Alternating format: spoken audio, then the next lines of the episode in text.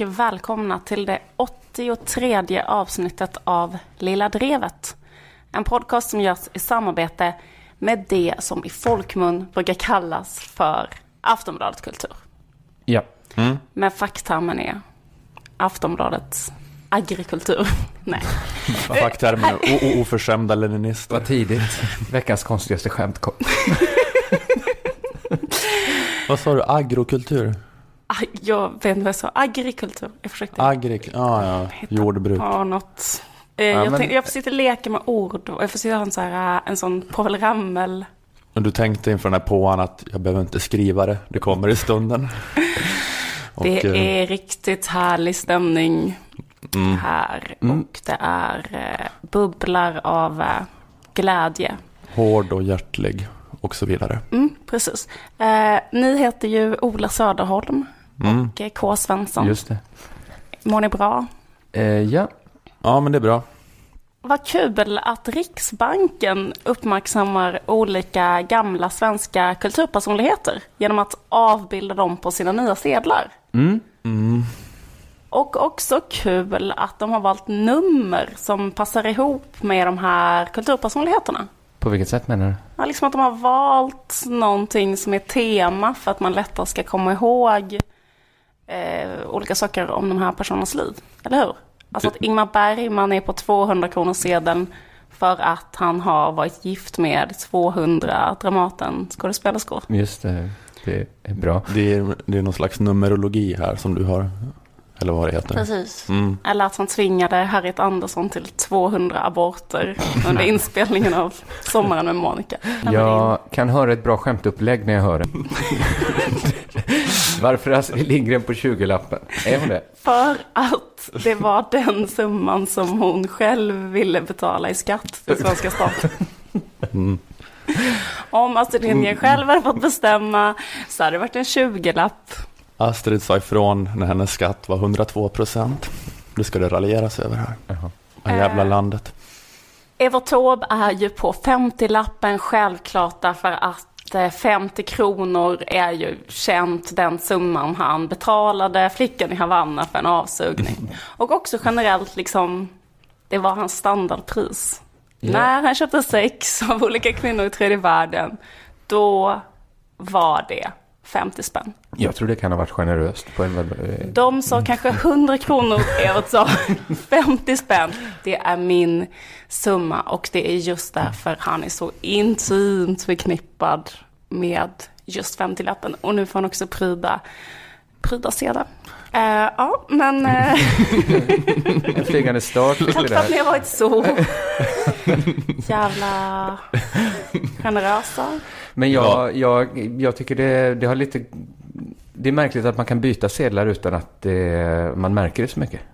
Jag har knappt märkt av att vi har nya sedlar. Så det är därför jag inte riktigt är sådär. Jag, jag vet inte vem som är på alla. Annars hade jag varit och huggt mer. Ja, jag förstår. Sådär. Eh, Men Jag har ju känt mig deprimerad eh, över att eh, leva i ett land där man, där man kan ha en sån nyss död barnboksförfattare på en sedel. du tycker historien skulle fått eh, utvisa om hon verkligen var så bra eller inte? Ja, jag tycker det är bara det är något med det här, det här ängsliga, trendkänsliga, rotlösa Sverige. Nu när vi pratar om nationell samling och så mycket. Att, Ja. Alltså sedlar i ett riktigt land. I ett riktigt land så är det fan sedlar. Det är bara kungar och presidenter. Det ska vara en örn med ett blodigt svärd på innan du är nöjd. Ja, men någon fältmarskalk från 1600-talet En kanske. Min, min fru säger att, att de nya sedlarna är för turisternas skull. Att det är därför vi valt sådana kändisar. Ja men är det inte grejen att Sverige är ett land för barn brukar ju eh, vissa säga och då eh, är det väl, eh, alltså om man vill lansera Ja, det ja. på riktigt. Men turister är ju också lite som barn. De köper ju sådana saker som barn gillar. Men det här var att, med var, t-shirtar. var, var en vindflöjel och liksom flyga på nästa liksom. Man kan tänka att det är liksom en hashtag-kampanj bort att Say No Abo Say hamnar på hundralappen. Det får inte hända. Sara Larsson får ta över Dag Hammarskjölds plats på tusenlappen. Det har varit någon kritik att Birgit Nilsson eh, tydligen porträtteras eh, från någon slags Wagner-opera. Det finns en kritik mot att hon Mm. är då förespråkar antisemitism Aha, ja. på 500 kronor sedeln. Det är synd också att det är så hög valör. För man tänker att det är många judar kommer ha den så Men- och bli påminda om Det Wagner. är...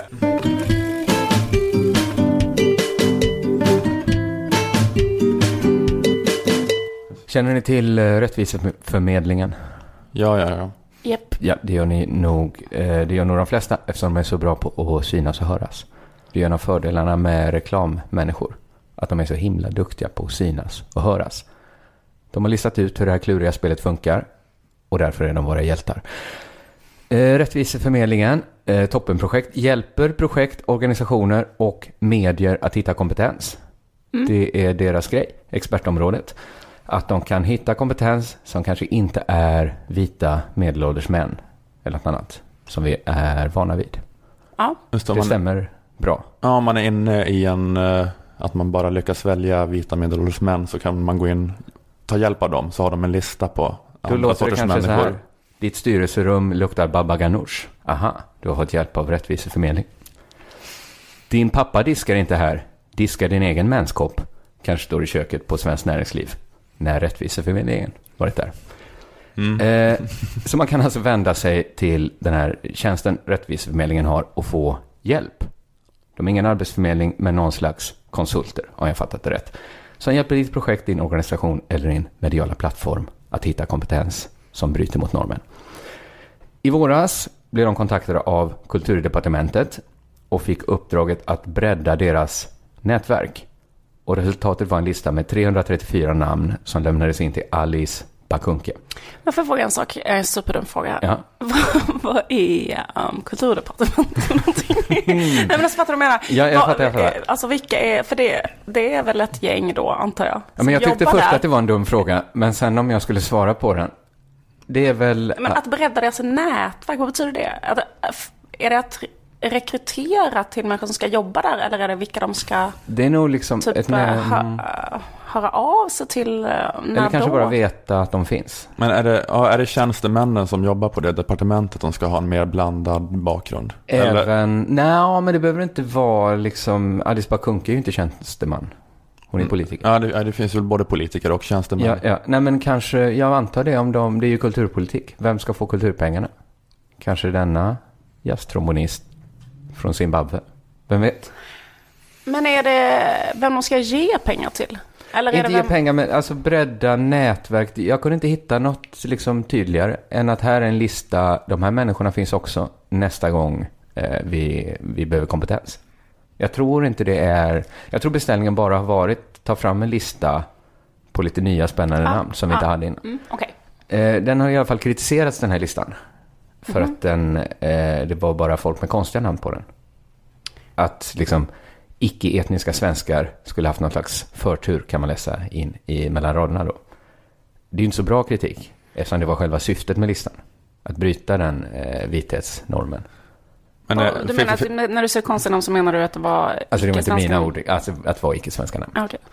Det var, Och sen jag blev folk sura för att det För att det var var- det. Aha. ja, deras uppdrag var att hitta människor då med, Med citat andra- konstiga namn.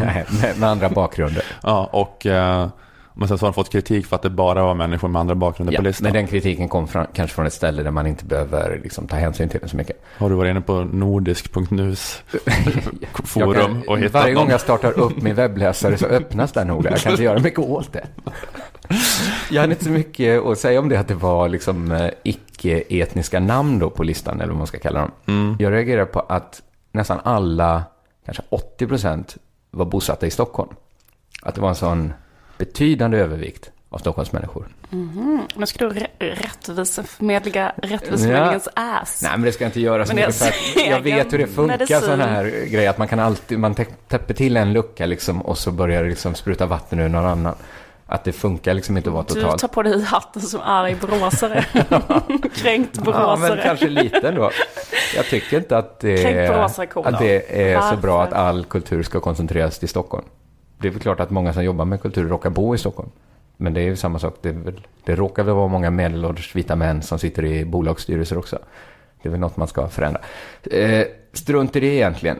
För jag tänkte mer, det var svaret på, de, de fick den kritiken också såg jag på sin Facebookgrupp. Varför är det så himla himla mycket stockholmare på er lista? Och det var det svaret som jag tyckte var lite spännande. Rättviseförmedlingen svarar nämligen så här. Det är vi alla rättviseförmedlare som tillsammans har tipsat till listan. Så vi har inte valt vilka som kommer med. Och alla rättviseförmedlare är då alla som är med i Rättviseförmedlingens Facebookgrupp. En grupp som det ju inte krävs någon kompetens för att vara med, utan man klickar ju like på en knapp. Eh, Vem som helst kan gå med och tipsa om vilka kulturdepartementet ska jobba med. Då ville någon veta vilka urvals, hur urvalsmekanismen gick till. Varför just de här 334 namnen? Hur sållade man bort dåliga, opassande personer? Rättviseförmedlingen svarade, vi gör inget urval, utan alla som blev rekommenderade kom med. Om de själva eh, bekräftade för oss att de ville vara med. Alltså alla som någon, någon skrev i Facebookgruppen, den här personen, och då kom den med? Yes. Okej. Så Rättviseförmedlingen fick alltså uppdrag av Kulturdepartementet. Kan ni hjälpa oss att bredda våra nätverk? Absolut. Vi sätter vår bästa konsult på att skriva en Facebook-uppdatering och fråga i Facebookgruppen. Mm. Sen sätter vi vår allra bästa copy-pastare på att ta alla namn som de tipsat om, klistra in i ett Word-dokument. Detta dokument skriver sen vår allra bästa utskrivare ut och sen lämnar vår bästaste i hela världen ordförande över listan till Sveriges kulturminister. Eh, Mm. lite slappt, tycker jag. Men är det inte liksom bara som en brainstorm? Så här, äh, ni vet när man har en brainstorm så finns en sån regel att man alla förslag och sen är det kulturdepartementet som får sitta där och välja. No judgment during brainstorm. Nej, okej. Man Så- säger så ja. man, Tack för att du kom med ett förslag. Får Men- man, men- man det är får ju- inte säga nej. Men det känns som att det är bara halva jobbet i och för sig. Det är första delen. Det är nästan den Yes. jobbiga delen kvar, att den att sitta och skriva ut alla tokiga idéer som kom upp. Eh, för detta jobbet betalade Kulturdepartementet 72 000 kronor, vilket inte är så mycket pengar. Nej. Eh, 72 000 kronor, det är en löjligt liten summa. Men å andra sidan fick de ju också löjligt lite för pengarna, va?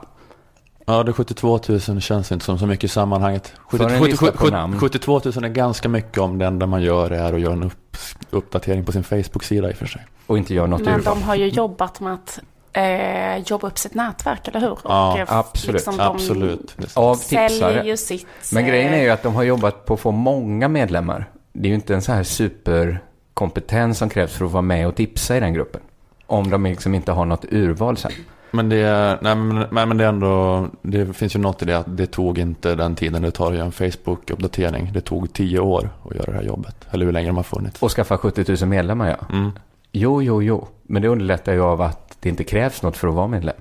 Man behöver inte kunna något om till exempel kultur. Eh, Men det spelar ingen roll, för att det var inte så dyrt. Och kulturdepartementet är nöjda. Så här skriver Rättviseförmedlingen på Facebook.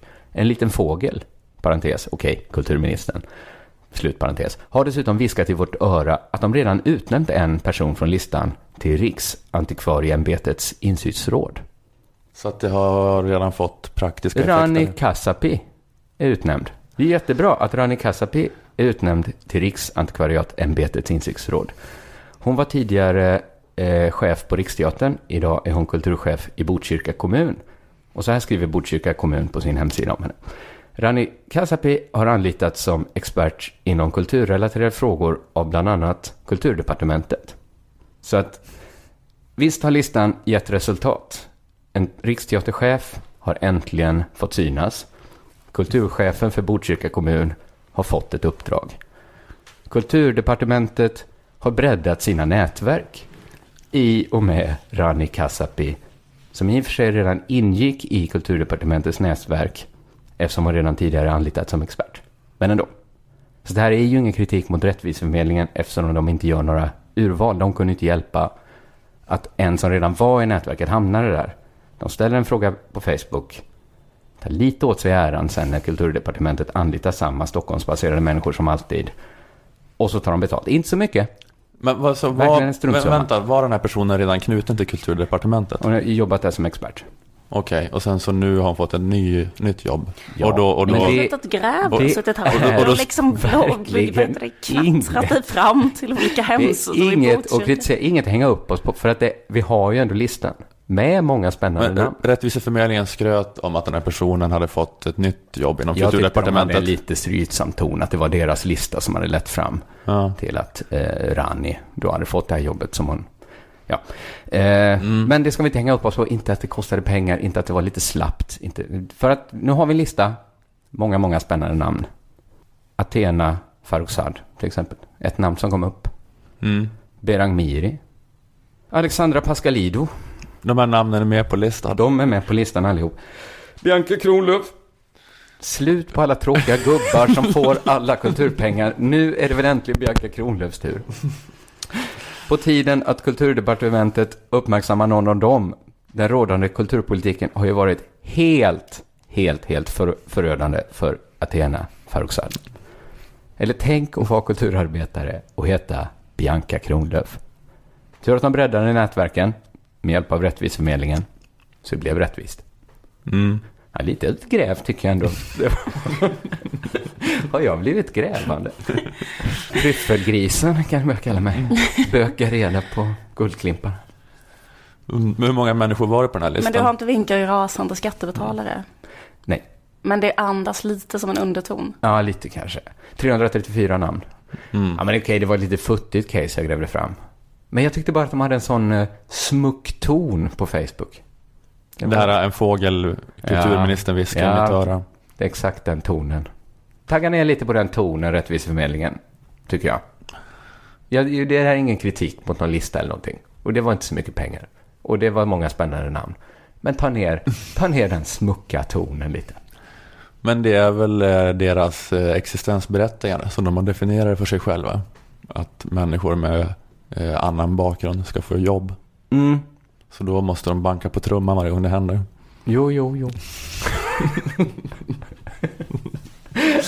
Och det får de göra, tycker Ja, du. ja, ja. Bara ta ner den Ta smucka ner tonen. den smucka Pyttelite, pyttelite. Det- Alltså liksom en pyttelite. Det är det du efterlyser. Det är inte- det Ja, du vill det är lite, lite ödmjukhet. slå näven i bordet och säga bara pyttelite Ja. tonats eh, sänkning. En pytte, pytte, pytte, pytte, pytte. Pytte, pytte, pytte. Det är inget fel med att, att banka på trumman sig själv. Det är bara ett problem med f- hur man eh, väger formuleringar. Ja, exakt. Man måste inte uttrycka sig så vulgärt som Rättviseförmedlingen gjorde. Nej, på sin Facebook som du ändå är inne på. Jag är inte medlem. Jag får söka i sökfältet varje gång jag skriver. Finkamma den då. Ja, man fick Hittat scrolla alla ner lite. namnen. Varje gång du liksom ska uppdatera, dina, uppdatera dina register du har över kulturarbetare med icke-svenska namn.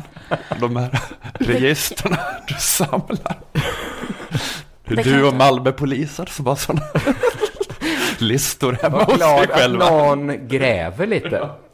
Vi kan inte bara spela upp klipp från Ring P1 nu. Men alla 334 namnen kan ju inte ha varit eh, olika tjejer som har egna humorserier på SVT. SVT Play. Nej, det var, också, det var säkert jättemånga spännande typer. Ja, du menar att det fanns sådana som mer eh, behövde vara på den listan än Athena Farrokhzad? Ja, jag menar att som- bara för att de, för jag menar om vem som har skriver in så är det väl någon som skriver in det liksom. Det Ja, kanske ja. ändå finns folk som, Det är kul med den människan som sätter sig vid datorn, går in i den tråden och bara skriver Alexandra Pascalidou. Men det var, bara är den människan. Gjorde inte Rättviseförmedlingen samma sak? De skulle, eh, så här, har ni några sköna tips på folk till eh, På spåret? Kan ta en massa gubbar bara. Och det, så, någon sa, det hade varit skönt att se Nour El Refai för en gångs skull. Det var, det var kanske den vändans eh, Athena. Det är en lite annan sak, för där ska det ju vara vem utav alla kända kändisar vill du ha med. Men jag tänker att, så här, att, att eller bara tro att man behöver göra Alexandra Pascalidou den tjänsten, att hon ska vara ett av 400 namn som skickas på en lista till kulturdepartementet. Alltså det är ingen, det, det är ingen diss mot Alexandra Pascalidou, Nej, men bara den, nej. den, den så här, medborgaren som känner att jag behöver gå in här och skriva Alexandra Pascalidou så att Sverige får veta om att hon finns. Alexandra Mm. Pascalidou är så på sån yogaresa som är som Malin Berghagen som kostar så här 100 000 att vara med på och bara täljer deg.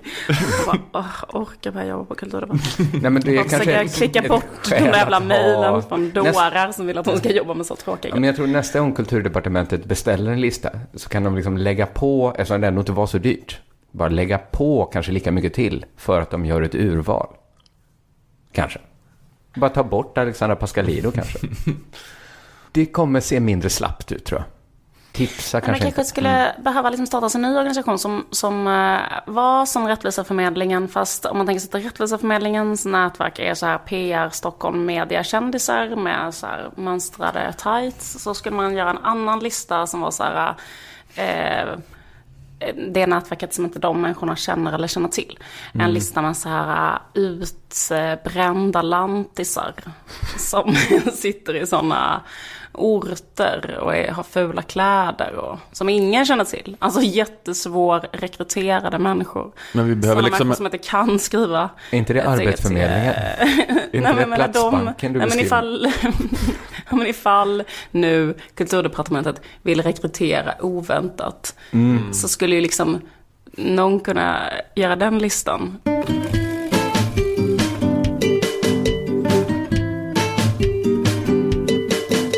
Ja, jag eh, orkade inte göra något riktigt den här veckan. Nej. Eller jag orkade inte med politiken. Jag försökte förstå lite det här med dö. Fattar. Det är inte mycket att förstå, Ola. Är det inte det? Ja, Okej, men då var det lika bra att jag Det sket i finns det. inte längre. Det finns inte? Nej. Nej. Nej, finns det? ja, ja, det är mycket att smälta på en gång här. Ja. Men ehm, jag tänkte bara på en annan sak. Att eh, vi har inga fasta ronder i Lilla Drevet. Vad menar du med det? Att det är ett väldigt löst format. Vi har ingen motsvarighet, vi har inga sådana här återkommande ronder kallar man det kanske på tv-språk. Eh, Ett fast inslag? Fast inslag, vi har ingen, vi har ingen sån här motsvarighet till Lettermans top 10-list. Nej, just det. Nej. Eller Go'kvälls önskemiddagen. Nej, just det. Eller gå kvälls uh, gör av mig. Nej, just det. Väldigt löst. Vi är långt efter god kväll kan man konstatera. Ja. Mm. När det gäller att ha fasta ronder. Men jag, jag har ett förslag Okej. på en sån här rond. Ja, Jag tänkte att eh, vi i Lilla Drevet eh, varje vecka kan ha listan Skavlan-publikens tre värsta applåder. Att, Då att, måste någon av oss titta på Skavlan varje vecka. ja, någon av oss. det får eh, bli du Så varje vecka kommer Ola rapportera från Skavlan. Inifrån Skavlan. Får se någon, någon, till exempel jag, Den kanske inte alltid det. jag, se Kommer på Skavlan och plocka ut liksom de tre mest plågsamma applåderna i veckans Jag känner att avsnitt. det är något som vikarien i det brevet kommer få göra. Jag kommer ihåg när jag började jobba i domstol hade de det här veckans balt. Jag vet inte om de kommer ihåg. Och det var ju så här, när man, den som hade börjat jobba senast fick göra det. Och det var liksom, det var som att eh, diska där, eller vad heter det, sk, sk, vad heter det? slänga in kolet i, eh, Mm. i eh, ångmaskinen på en sån gammal båt. Det var liksom det sämsta. Sen fick man kanske jobba sig upp och få göra ett annat inslag. Sen när jag kom in på Pankrego där du jobbade, Mm. då fick jag genast klippa ut varje vecka det roligaste ur veckans Andra Avenyn. Som var någon sorts såpopera som gick på SVT. Det bästa ur Andra Avenyn hette det. Ja. Jag kommer inte ens ihåg vinjetten. Jag la inte ner mig själv i det. Ja men det är ju, ja det är en sån grej. Det, det är som att eh, den nyaste vikarien på Aftonbladet ska alltid göra vi fem spalten Just det. Ett sånt skitjobb. Men det är faktiskt, apropå Hej Domstol, så jag, det är därifrån jag fått eh, kritik om det här med att vi inte har ronder i Lilla Drevet. Kalle Lind, Mm. som var med i Hej Domstol, har sagt ni borde ha ronder. Vi i Hej Domstol hade till exempel Veckans Laban. Ska jag säga någonting? Ja. Han har också en podd utan ronder. Den heter Snedtänkt. Ja, det är sant. Ehm, I alla fall. Så- Ja, men, eh, Men här, Ät min skit på en gaffelbit, Kalle Lind. Eller två fel gör inte ett rätt. Ja. Kan jag tror inte man tänka. ska sänka vår podd genom att ge sådana här skitdåliga Kalle Lind förslag. ska hålla käften, tycker jag. Han bara, ni kan inte klippa ut något kul från Skavlan. Och... Ola bara, Ola bara, ja. Absolut, Kalle. Ja, ja, men nu, nu har jag jobbat eh, ganska hårt här utifrån Kalle Linds fyllesvamlande för någon vecka sedan och vad vi borde göra. Så då är det lika bra att vi river av det tycker jag. Mm. Mm, men eh, ja, precis. Man, eh, någon av oss får ta på sig att se Skavlan och plocka ut de tre mest plågsamma applåderna då i, var, i veckans avsnitt. Vi kanske, vi kanske skulle kunna få en fas 3 eller något sånt där i och för sig Mm. för det här. Ifall, ifall Om vi, inte alla de sitter i publiken till Skavlan. Det känns som att det händer väl att någon så här liksom media-människa som ska ha praktik kanske hör av sig till sådana som oss. Då kan de få Hör av er till Ola Soderholm At- hotmail.com. Mm. Eh, det finns ju eh, olika anledningar till varför man är helt utmattad och svettig och har hjärtklappning efter ett avsnitt av Skavlan. Eller hur? Mm. En påfrestning är att de svenska gästerna ofta inte förstår vad som sägs. Mm. Det är jobbigt. De fattar ju så här Skavlans eh, svorska hyfsat. Mm. Men annars är det ju ofta som gäster med gester. Vi tittare ser en textremsa. Där det står liksom vad den skäggiga rödhåriga från Game of Thrones och turist försöker kommunicera. Så sitter Alex Schulman och Nyamko Sabuni där och, och kisar och försöker tolka. Säga något man ska le åt eller ska man se allvarlig ut. Sen är det också jobbet med den här allmänt förvirrade och ostrukturerade stämningen. Tycker jag i Skavlan. Det var länge sedan jag såg Skavlan, men jag kan, jag tror det. Ja, men de, de försöker alltid få till ett sådär runda bordsstämning med gäster som är oväntade matchningar som det ska Ja, slå gnistor om. Intervjuerna ska gå in i varandra och det ska finnas något så löst tema som man ska kommentera. Ja men det är så ehm, Malala berättar om när hon blev skjuten i huvudet av talibanerna. Då är det snyggt om Yohio också kan hoppa in och berätta om de kränkningar han har utsatts för. de vill ha den. Nej, Kan säga något när han inte blev tagen på allvar som vuxenartist eller, eller något sånt. Någon frågar, var du tvungen att lära dig läsa? Var du tvungen att gå i rosa peruk? Caitlin Moran, Maria Montazami och Pewdiepie har en diskussion om kulturmannen. Men det är sällan det känns stringent. Ja. Det är mer bara så här, vad, vad är det som pågår? Det är så himla så här lösryckta sägningar som inte leder någon vart. Men det som bidrar mest till den sjuka stämningen eh, är publiken, skulle jag säga. Eh, Skavlan-publikens nervösa beteende. Skavlan-publikens timing, när de tycker att det är på plats med en applåd eller ett gapskratt. Det är den hårdaste cringe-humorn jag vet. Okej. Det är sådana ögonblick alltid i Skavlan att man, man, bara, man fattar bara inte vad är det som händer. Hur kan det här anses vara det bredaste och svennigaste och mest harmlösa? För det är ju svårt Skavlan. Svårt, konstigt, avigt. Du tänker liksom hela konstverket Skavlan nu?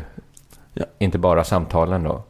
Ja, alltså, ja, det är väl allt tillsammans. Men Ja. jag tycker att det är så här David Lynch-stämning. Skavlan frågar Plura, är du missbrukare? Plura säger, nej, är du? Publiken tjuter av skratt, jublar och applåderar. applåderar. Typ Bodil Malmsten säger, jag har nog alltid känt mig ensam. Publiken applåderar. Man applåderar. Det här Men är, publiken kan ju inte kommunicera på så många sätt. Det är som en biltuta i trafiken. De har ju bara applåd och skratt. Ja, men när Bodil Malmsten säger så, sen kommer en applåd. Det är samma känsla som när liksom en dvärg pratar baklänges i en David Men tänk om Lynch-film. det hade varit ett skratt. de valde mellan två. Ja. All awkwardheten som de som pratar i Skavlan kan åstadkomma upphöjs alltid till tio av Skavlan-publikens förmåga att få panik vid varje konstpaus. Eh, Och uppfattar eh, den som att nu var det antingen något roligt eller något tänkvärt värt som sades. Fort, vi måste reagera. Eh, Men okej, vi testar det här segmentet då. De tre värsta applåderna i senaste Skavlan. Ja. Eh, Tredje plats är under en intervju med den norska löparen Monica Körra. Eh, Hon var collegeidrottare i USA och blev utsatt eh, för en våldtäkt av tre personer där i USA. Och hon har valt att berätta om det här offentligt, skriva om det liksom för att uppmärksamma och bekämpa problemet. Hon berättar den här långa, tunga, hemska historien från händelsen till rättegången. Eh, Skavlan säger vilket straff som utdömdes till de tre gärningsmännen. To av dem fikk livstid, én fikk 25 år. Det er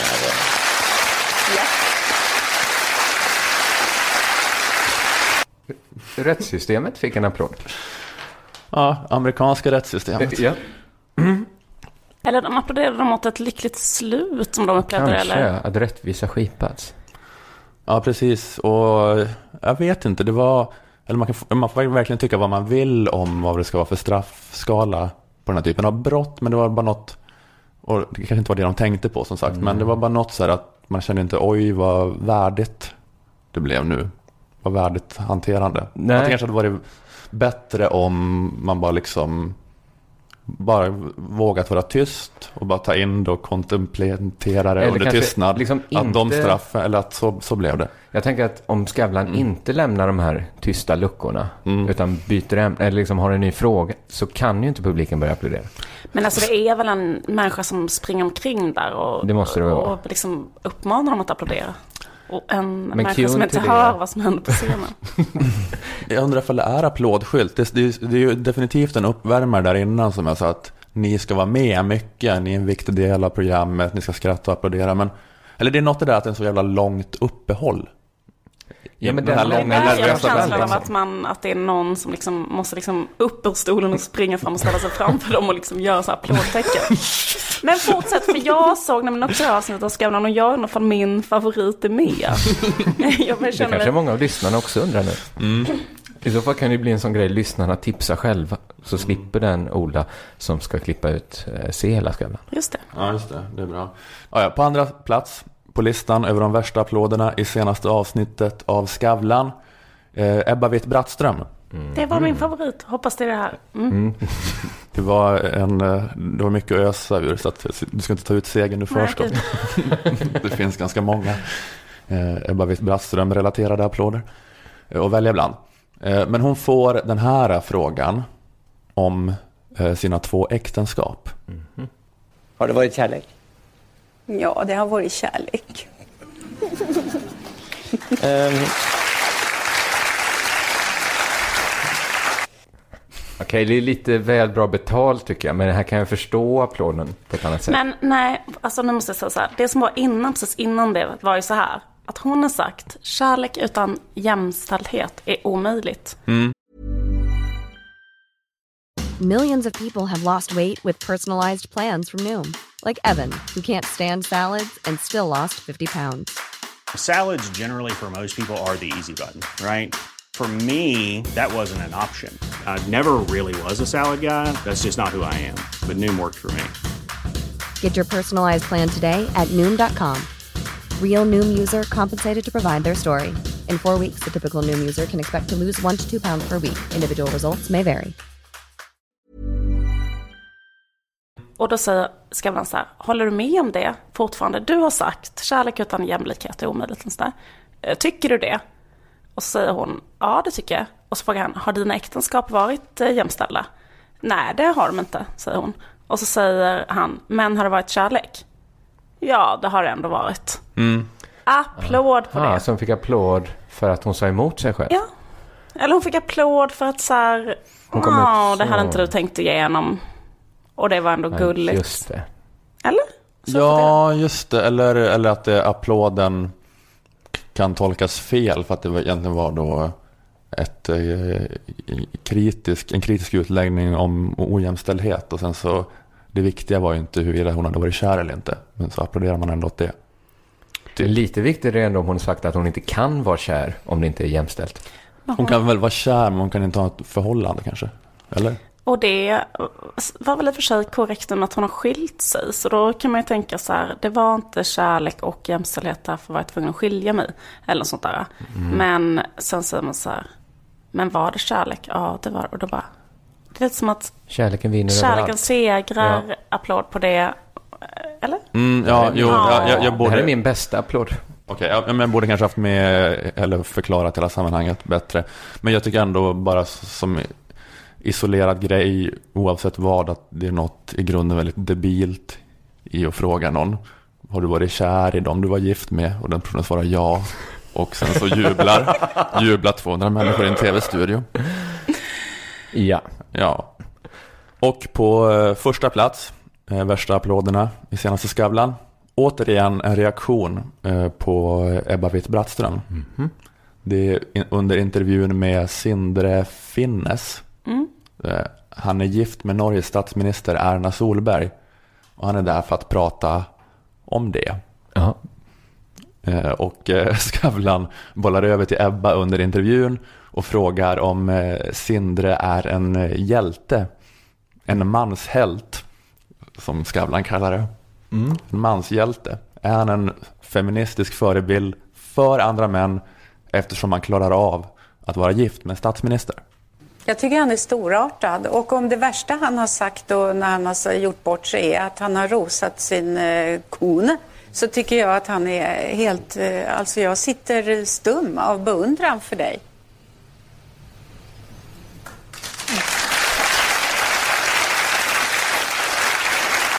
Fast det är ju mycket det här hänget mellan eh, punkt och applåd. Att det är så långt. Ja, Ja, men det kändes också som att vinkeln, eller jag menar hela grejen, så här, Ja, varför ska Skavlan. hon svara på det? liksom, Bara så här. ja Alla hennes frågor, hon kom in där var det så här, är Leif GW en jämställd man? Är Leif GW feminist? Är den här mannen en man? Är den här mannen en hjälte? mm. ja men det är den där, äh, Och så sitter hon mitt emot dem. Eller jag vet inte, det blir liksom svårt för henne också att säga. Mm. men det är också den där äh, bara norska farbrorn som är civilekonom och gift med Erna Solberg. Han bara säger ja, jag lagar väl mat ibland. Ska han sitta där, sen ska han få ett sånt konstigt bara kärlekstal. Skavlan ska tvinga fram ett kärlekstal från Ebba Witt-Brattström. De sitter en meter ifrån varandra. Du är storartad, jag är stum inför dig, Sindre. Ja, men här vill... Och så ska konstpaus, konstpaus, konstpaus. Applåd. Men jag tror att publiken applåderar bara för att de känner någon måste rädda detta. Ja, men det gör de ju inte. Alltså det är bättre. Alltså de, de ska verkligen inte vika ner sig, tycker jag, i den här tysta leken då. Ifall det är det Skavlan håller på och leker med dem. men det, kan, det är kanske dåligt av Skavlan att han låter det hänga så länge. Men när de klipper, i- för de, det här är ju klippt det här programmet, kan de inte liksom tajta lite att applåden så kommer snabbare? Det kanske de har gjort, det kanske var så här 20 sekunder. Skavlan sa, det är inte trovärdigt med kortare paus. Ni måste vibrera in den här otroligt mäktiga stämningen av rörelse. Vi känner att eh, det händer Men- något jävligt spännande nu på scenen. Det var två människor som möttes Mm. och, eh, och, och kände något. Det är ju ändå liksom, Skavlan kanske jobbar i ett så liksom svårmätbart liksom, yrke. Så att man kan mäta sig, man kan kolla vad man har för lön, man kollar vad man har för tittarsiffror Mm. och så kan han räkna applåder. Och så kanske han fått en sjuklig hang-up så han lämnar de här pauserna. Och publiken är bara människor. Kan det inte vara så? Att han blir tokig om det inte är applåder. Alla vet det. Ja. De borde inte ha publik kanske bara. Eller Eller gäster. gäster, ja. Eller programledare. Eller sändningstillstånd. Mm. Ja, men jag, jag blir alltid, jag blir alltid chock, vi, vi går on to sånt. jag blir alltid chockad över hur, hur weird stämning det är varje gång jag ser det. Att, eh, ja, men just det att jag kan inte förstå att det är det här som alla svennar tycker är så här, bara någon friktionsfri underhållning. Jag tycker att det är skräck varje gång. Men det är kanske att man tänker så här att nu sätter vi GV och ett våldtäktsoffer jämte varandra. Gud så hemskt det hade kunnat bli. Nu blev det bara liksom lite obekväm stämning. Vi räddade med några applåder. Mm. Vi, vi fick det att funka. Ja, just det. Att det är det man tycker att Skavlan är ett geni. var, varje Skallan-avsnitt är liksom en knipa som man har en, en timme på sig att ta sig ur. Och pussla ihop de här människorna. Man ska spela den. Ja men en sån Mission Impossible-låt borde gå i bakgrunden hela vägen. Mm. Det, var, det var listan i alla fall. Vi får se ifall det här äh, fastnar då. Vi ser om det blir en långkörare. Mm. Okej, värsta applåderna i senaste Skavlan. Värsta applåderna i senaste Skavlan. Vi får eh, be eh, Carl-Johan Lundgren göra en jingel kanske. åt oss.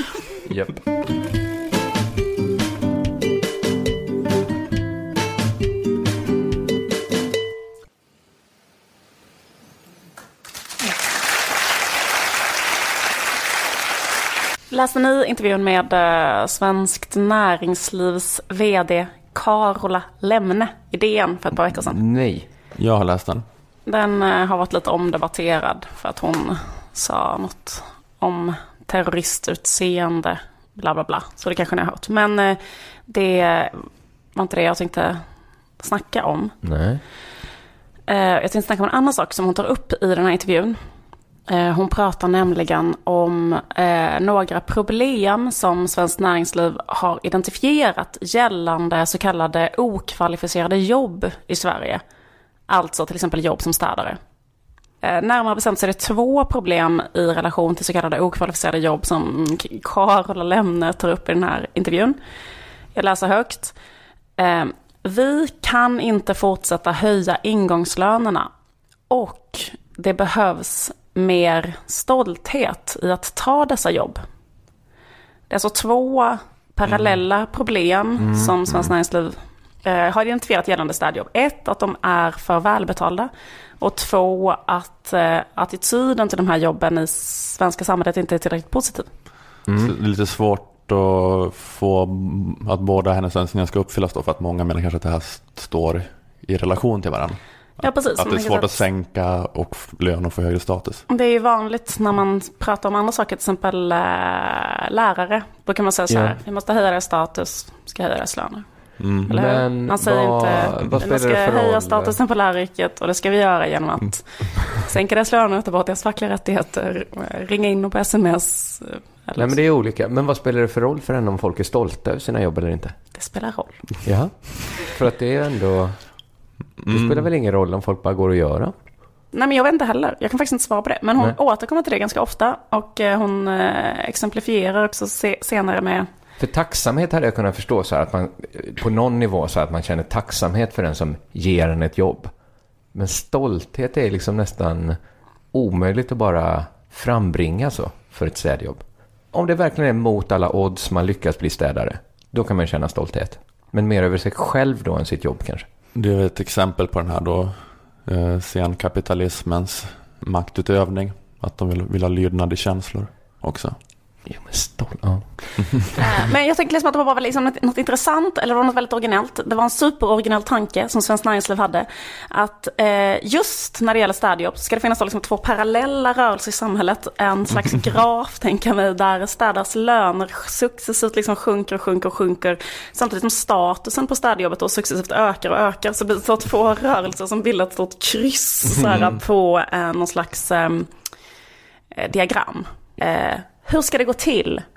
Vad är mirakelmedicinen som ska göra att statusen på ett jobb kan liksom gå upp samtidigt som eh, lönen ger mindre, eh, blir mindre och mindre? Jo, eh, jag läser högst igen här eh, från intervjun. Då står det så här. En idé från Svenskt Näringsliv är att börja kalla enklare arbeten för vardagsjobb. För att få bort en del av stigmat kring dem.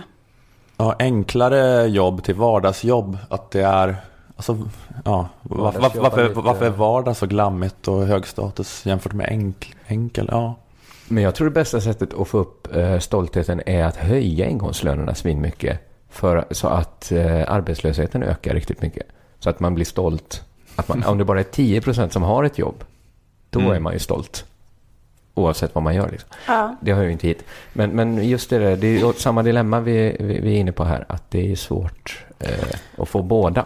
Jag tänkte att det var lite slappt där med vardagsjobb för att jag tänkte att jag undrar om det var samma, att det kanske är, att det är, är det samma kille på samma PR-byrå som var han som kom på det här med att Carema bytte ju namn till Vardaga.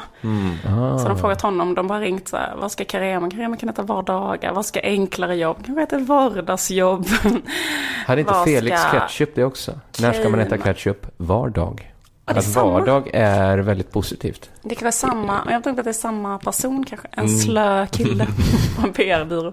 Som har samma, skickar samma mail till alla. Det kanske finns någon eh, slags trygghet och Även Eh, den eh, i- i det Åhléns-sången. ordet. Tack för idag. Tack för en helt vanlig dag idag. Att man är liksom, eh, det är positiva konnotationer kring vardag.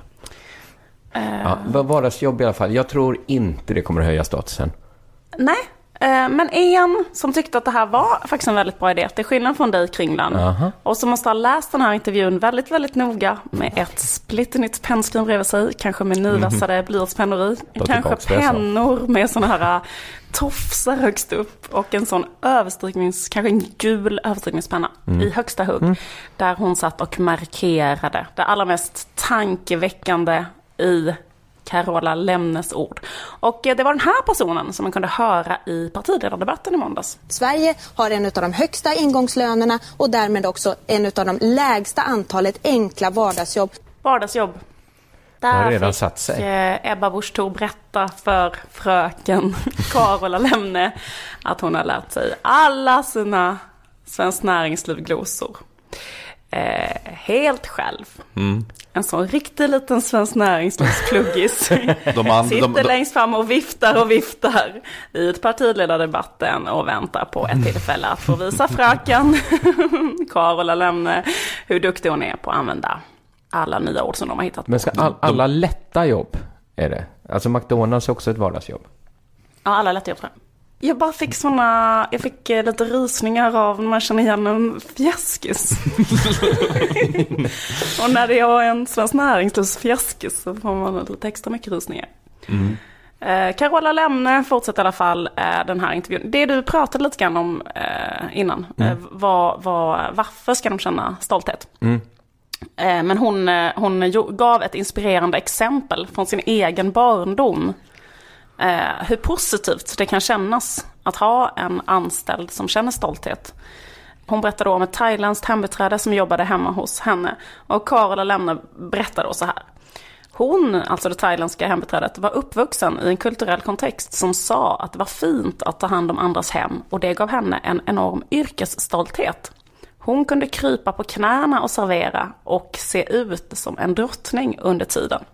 Mm. Ja, men alltså, jag säger inte att det här inte är önskvärt. Jag säger bara att det är svårt. Det är att liksom svårt. lagstifta fram stolthet. Det svåra tycker jag känns är att krypa samtidigt som man serverar. Att man tänker sig att man kryper på alla fyra och har då eh, maten, tallrikarna och glasen på ryggen. Så gör de i Thailand lite. Det är ett Eller- så här Jag är jätte, jättestolt över det. jättestort rum så att man får liksom, man sitter i andra änden av det så kommer hon in krypande med teset servisad på ryggen. Får hon krypa över hela golvet. Man har en sån fantasi som man har sett i den här uh, Skönheten och odjuret. Där det finns så här levande möbler.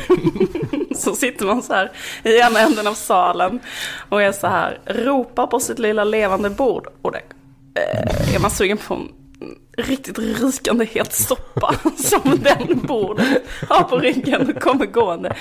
Och i munnen en liten brödkorg eh, med krutonger. Så gott. Och så kommer hon liksom gående över hela. Det är klart att det är som en drottning dessutom.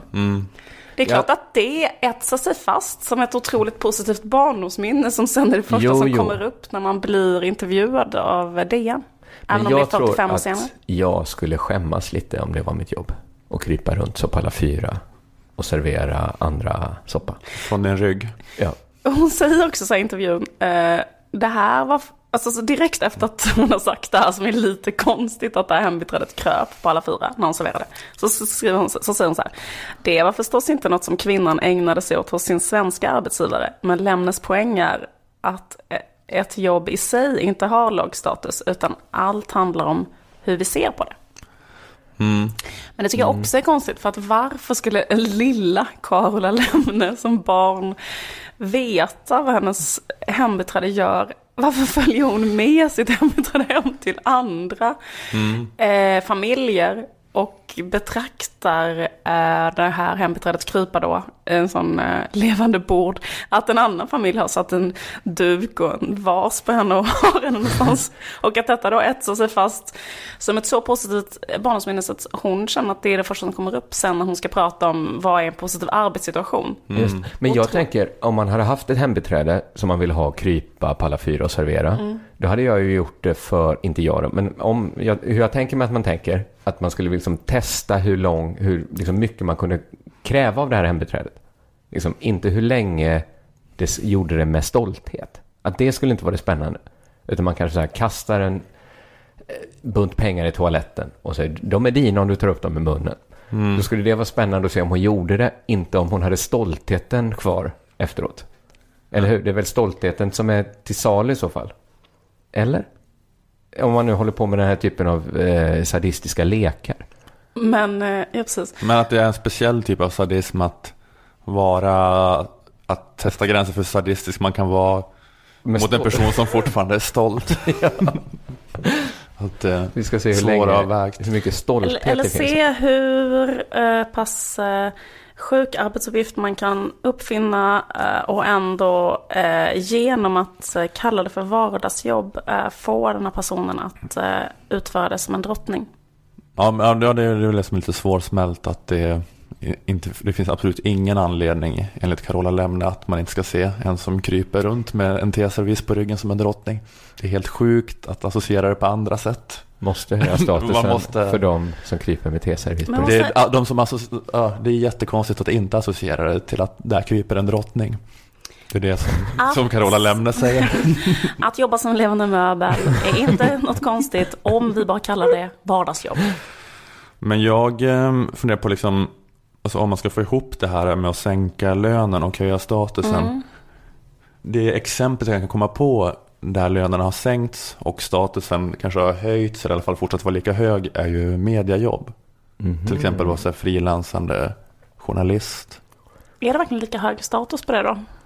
Jag tror det är lika hög status som det var 95 men då fick man tio gånger mer för en kulturartikel eller en krönika än vad man får idag. Ja men jag vet inte vad man kan dra för lärdom utav, utav den branschen då. Att, att de lyckas ha hög status fast de inte tjänar några pengar. Jag tror det är mycket att måste- inte kalla det vardagsjobb. Mm. Att liksom dra på att det är liksom något speciellt man gör när man eh, skriver en krönika för Nyheter 24. Man kallar ju alla redaktör. Ja. Eller alla som jobbar med media kallar man redaktör. Mm. Fast det är någon som får betalt 400 kronor per text. Som de skriver en gång i veckan. Den är ändå redaktör för något på Mm. Nyheter 24. Jag har blivit erbjuden redaktörsjobb supermånga gånger. Du också va? Mm. Inte jag. Hmm. Sån jävla... Men det tror jag du ska liksom se som en fjäder i hatten. Att de ser, liksom, ser upp till dig för mycket Nej, för jag att tror det är för kalla att de dig ringer redaktör. bara till vita killar. Ja, jag ska gå in på Rättviseförmedlingens Facebook-sida och skriva Liv Strömqvist. Måste. Det hade varit kul att se som en omväxling. Så jävla mycket avundsjuka i jävla samhället.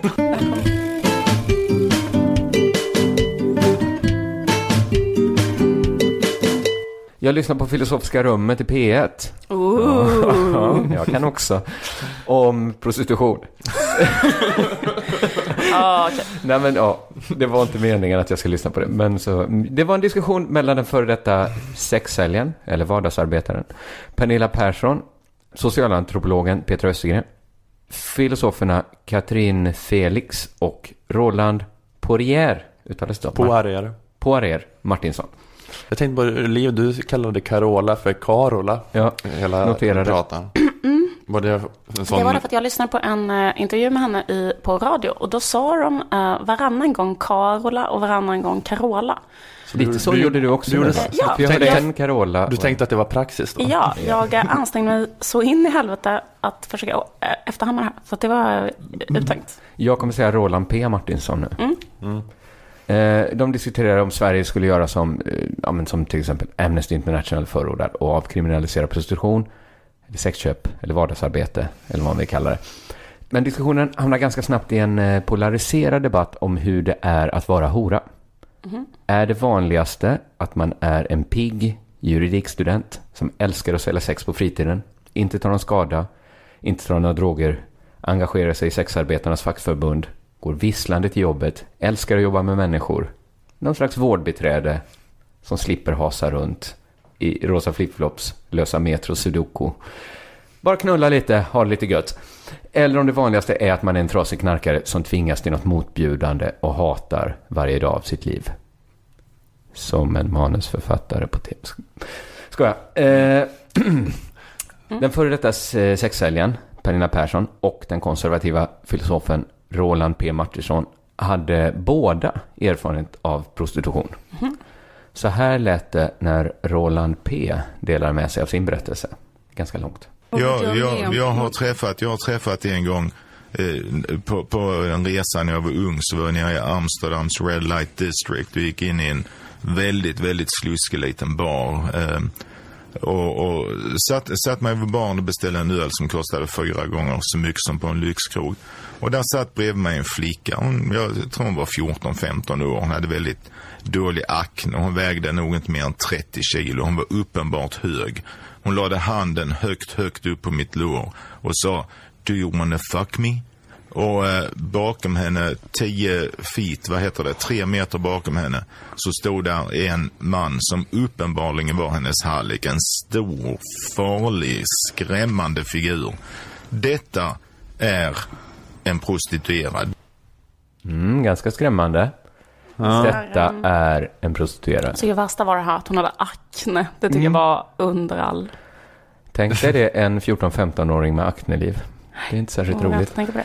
Nej, det känns lite off topic att hon, eller vad på Hon hade värre problem, fick man Nej, men menar, det är så konstigt för där lägger man ju en värdering i, där att hon var ung kan ju vara relevant. Alltså, alltså man kan ju vända sig mot att han hade anekdotisk bevisföring Just det, att hon vägde 30 kilo. Men att hon vägde 30 kilo alltid skulle kunna vittna om ohälsa. Men det att hon hade akne, det är väl mer bara att han tycker att hon var så pass... Alltså han vill, det han vill understryka där är så här, det var ingen man ville knulla. Hon hade så dålig hy. Eller? Men jag jag kan tänka mig att han vill understryka att det här var liksom ett barn. En, Jag var en inte ens nära att säga ja, tror jag att han var där. Jag tror, menar, jag tror han menar så här, vem fan säger ja till detta? Hon var 13, hon vägde 30 kilo. Hon hade Om jag, om jag gjorde något var det för att vara snäll. Jag tog den med akne.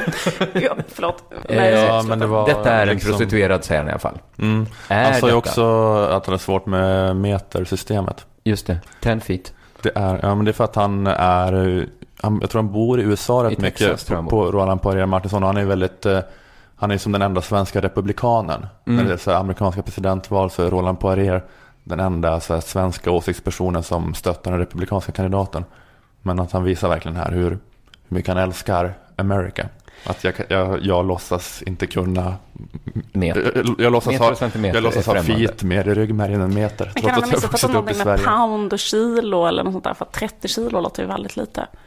Ja, Ja, just det. hon kanske hade aknekläder på sig. Alltså 30 kilo väger ju kanske en åttaåring eller en nioåring. Mm. Jag tror inte det. 30 pounds är ju bara 15 kilo då. Just det. Hon kanske... Sluta. Härska teknik av mig. Det är vidriga härskartekniker, Ola, och det tror jag du är medveten om. Eh, frågan är om detta är en prostituerad. Det är det de ska diskutera nu. Vad säger före detta eh, sexarbetaren Pernilla Persson? Den flicka som du tror ser ut som en 14-åring, hon kanske var 25. Och den man som stod bakom henne kanske var hennes man. Och de kan ha ett hus och barn och allting. Du vet ingenting. Du har bara suttit där och fick en illusion, eller en, en, en fasad. Du har sett en skådespel. Det var bara ett skådespel som man såg. Det var inte alls en 14-åring med akne eh, och en skrämmande hallick 10 feet bakom sig. Det är troligare att det var en 25-årig kvinna med sin man. Som ville ha, som inte var prostituerad utan bara ville ha sånt öppet för, eller vet du, de hade som swingers. Eller kanske inte ens vill ha sex. Eller ville hon sen, när han sa ja skulle hon bara asgarva och hennes man med. Skulle de high-fivea. Trodde du det? De var ett liksom elakt inte- syskonpar som gillade att är- håna folk. Lite fräckt att säga att det var ett skådespel. Som att eh, Roland P verkar vara en sån som utstrålar att det är sånt han gillar. Så att hororna genast spelar. Att de eh, spelar fram en akne. Men eh, också lite svag nivå känns det som på det Tycker här avsnittet av Filosofiska Tycker rummet. att de har... För nu står ju ändå ord mot ord. Men han hade titeln filosof också, så Ja. eh, noterade jag. Men de har- de har- Eh, eh, Och det känns lite som, är det, är det som han jobbar som filosof nu för tiden? Att man berättar en sån backpacker-historia? Ja, de har en anekdot som de bråkar om. Hur var den anekdoten egentligen? De Ja. kan inte lyfta det från den nivån. Vem vet? Som tur är har de en till filosof med sig i rummet. Som, som kan liksom bringa lite klarhet. Jag syns det är väldigt viktigt att vi som inte har någon personlig erfarenhet själv av prostitution eh, lyssnar till eh, vad Pernilla säger, vilka åsikter hon har. Det är viktigt. Ja, det är viktigt. Eh, och hon, hon tycker helt klart att det är en provocerande bild som Roland eh, målar upp här. Eh, och då får vi tänka oss, vi som inte har den direkta erfarenheten hon har, att det kanske det är någonting i det hon säger. Eh, men å andra sidan så får vi också försöka att se en hel, helhetlig bild. Eh, det är ju ofta så att eh, eh när vi befinner oss mitt i en situation så är det inte, kanske inte vi själva som ser eh, klart den största den stora helhetliga bilden. Eh, så det kanske är någonting i det Roland säger också. Det kan ligga något i det sexarbetaren säger, men det kan också ligga något i det Roland säger. Hur ska vi få veta vad som egentligen hände på den här sunkiga baren? Om den ens var sunkig i Red Light District. Men jag tycker det är så otroligt konstigt den här diskussionen, därför att just när det gäller prostitution då finns det jättemycket så här forskning, men jag tänker att UNHCR, som menar, det kan ju inte vara helt omöjligt att så här, få tag på så här, statistik, så här, hur många mår bra, hur många mår dåligt. Det kan ju inte vara, alltså empirin kan ju inte vara så här Roland på, äh, Poiriers, ähm, liksom, äh, anek- backpacker Ja, men det var väl så att programledaren för filosofiska, filosofiska rummet satt med ett stort underlag, massa papper framför sig. Sen sa Roland Poirier, jag har en anekdot. Det Då, kom- då tände han eld på papperna. Kast, hela diskussionen lite onödigt mycket. Men den Också tar... väldigt roligt att, Släpper att de allt. pratar om så här, Roland har aldrig Det vi pratar om, det vi alla är överens om att det vi ska prata om det är bara Roland Poiriers backpacker-anekdot. Sen kommer den här ex-prostituerade in och säger så här, jag tror att din anekdot var så här. Och då kommer hon in och så här, hon har själv erfarenhet av prostitution så hon kanske vet mer om den anekdoten än vad Roland vet. Eh, Exakt, de är inte helt klara med anekdoten. Det låter som ett bra, bra program. Den här flickan som jag såg på den baren, hon var inte en kvinna gift med den mannen. Det var en hög flicka som såg väldigt, väldigt skadad ut. Hon kan inte ha varit mer än max 17, hon såg yngre ut. Hon kan inte vägt mer än 30 kilo. Okej, jag kan varit 17.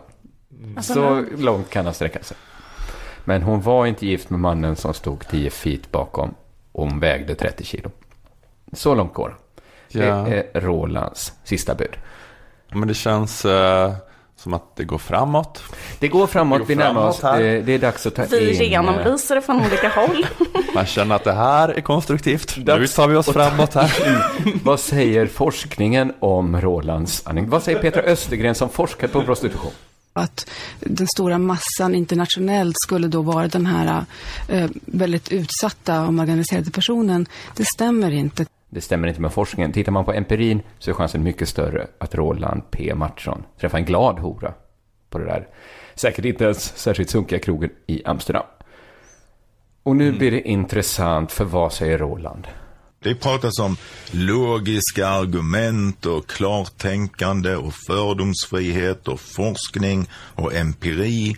Och, och så, så säger man så här att ibland så kommer man bara dit hän där argumentet är det känns inte rätt. Och då undrar jag, vad är det för fel på argumentet det känns inte rätt? Nej, vad är det för fel på det? Är han, han vad heter examen i filosofi eller? Ni vet Jag bara kan det. höra, med, höra hans såna slu, eller vad heter det, hans läser upp eh, liksom, istället för avhandling. Ja, men då Ja, kanske vad det är det för fel på argumentet? Det filosofiska det för- argumentet, det känns inte rätt. Men det kanske förklarar den här väldigt anekdotiska bevisföringen. Att det kan ju skapa en känsla i alla fall. Sen vad är det för fel på det argumentet? Kanske att det blir liksom svårt att ha ett avsnitt av Filosofiska rummet. Annars... Ja, det känns ju som att den sidan som är skeptisk till eh, Amnestys nya giv hade kanske hellre haft en annan försvarsadvokat än Roland Poirier Martinsson. Nej tack, det där känns fel. Det känns inte rätt. Men han är ju som den här, just att han är amerikansk republikan, det här är väldigt likt eh, den karaktären Stephen Colbert har spelat. Då han gör parodi på en sån Fox News eh, åsiktsperson att han uppfann det här liksom, att han, jag tror inte på truth, jag tror inte på sanning, jag tror på truthism eller sånt där. Mhm. Och det är what I feel in my gut is true. Ja, ja, ja. Att man säger det jag känner. Så att Och det, vad är det för fel på det? Så att eh, Roland använder det helt utan det här ironiska lagret att jag känner i magen vad som är sant. Och det är det som vi Just får gå på.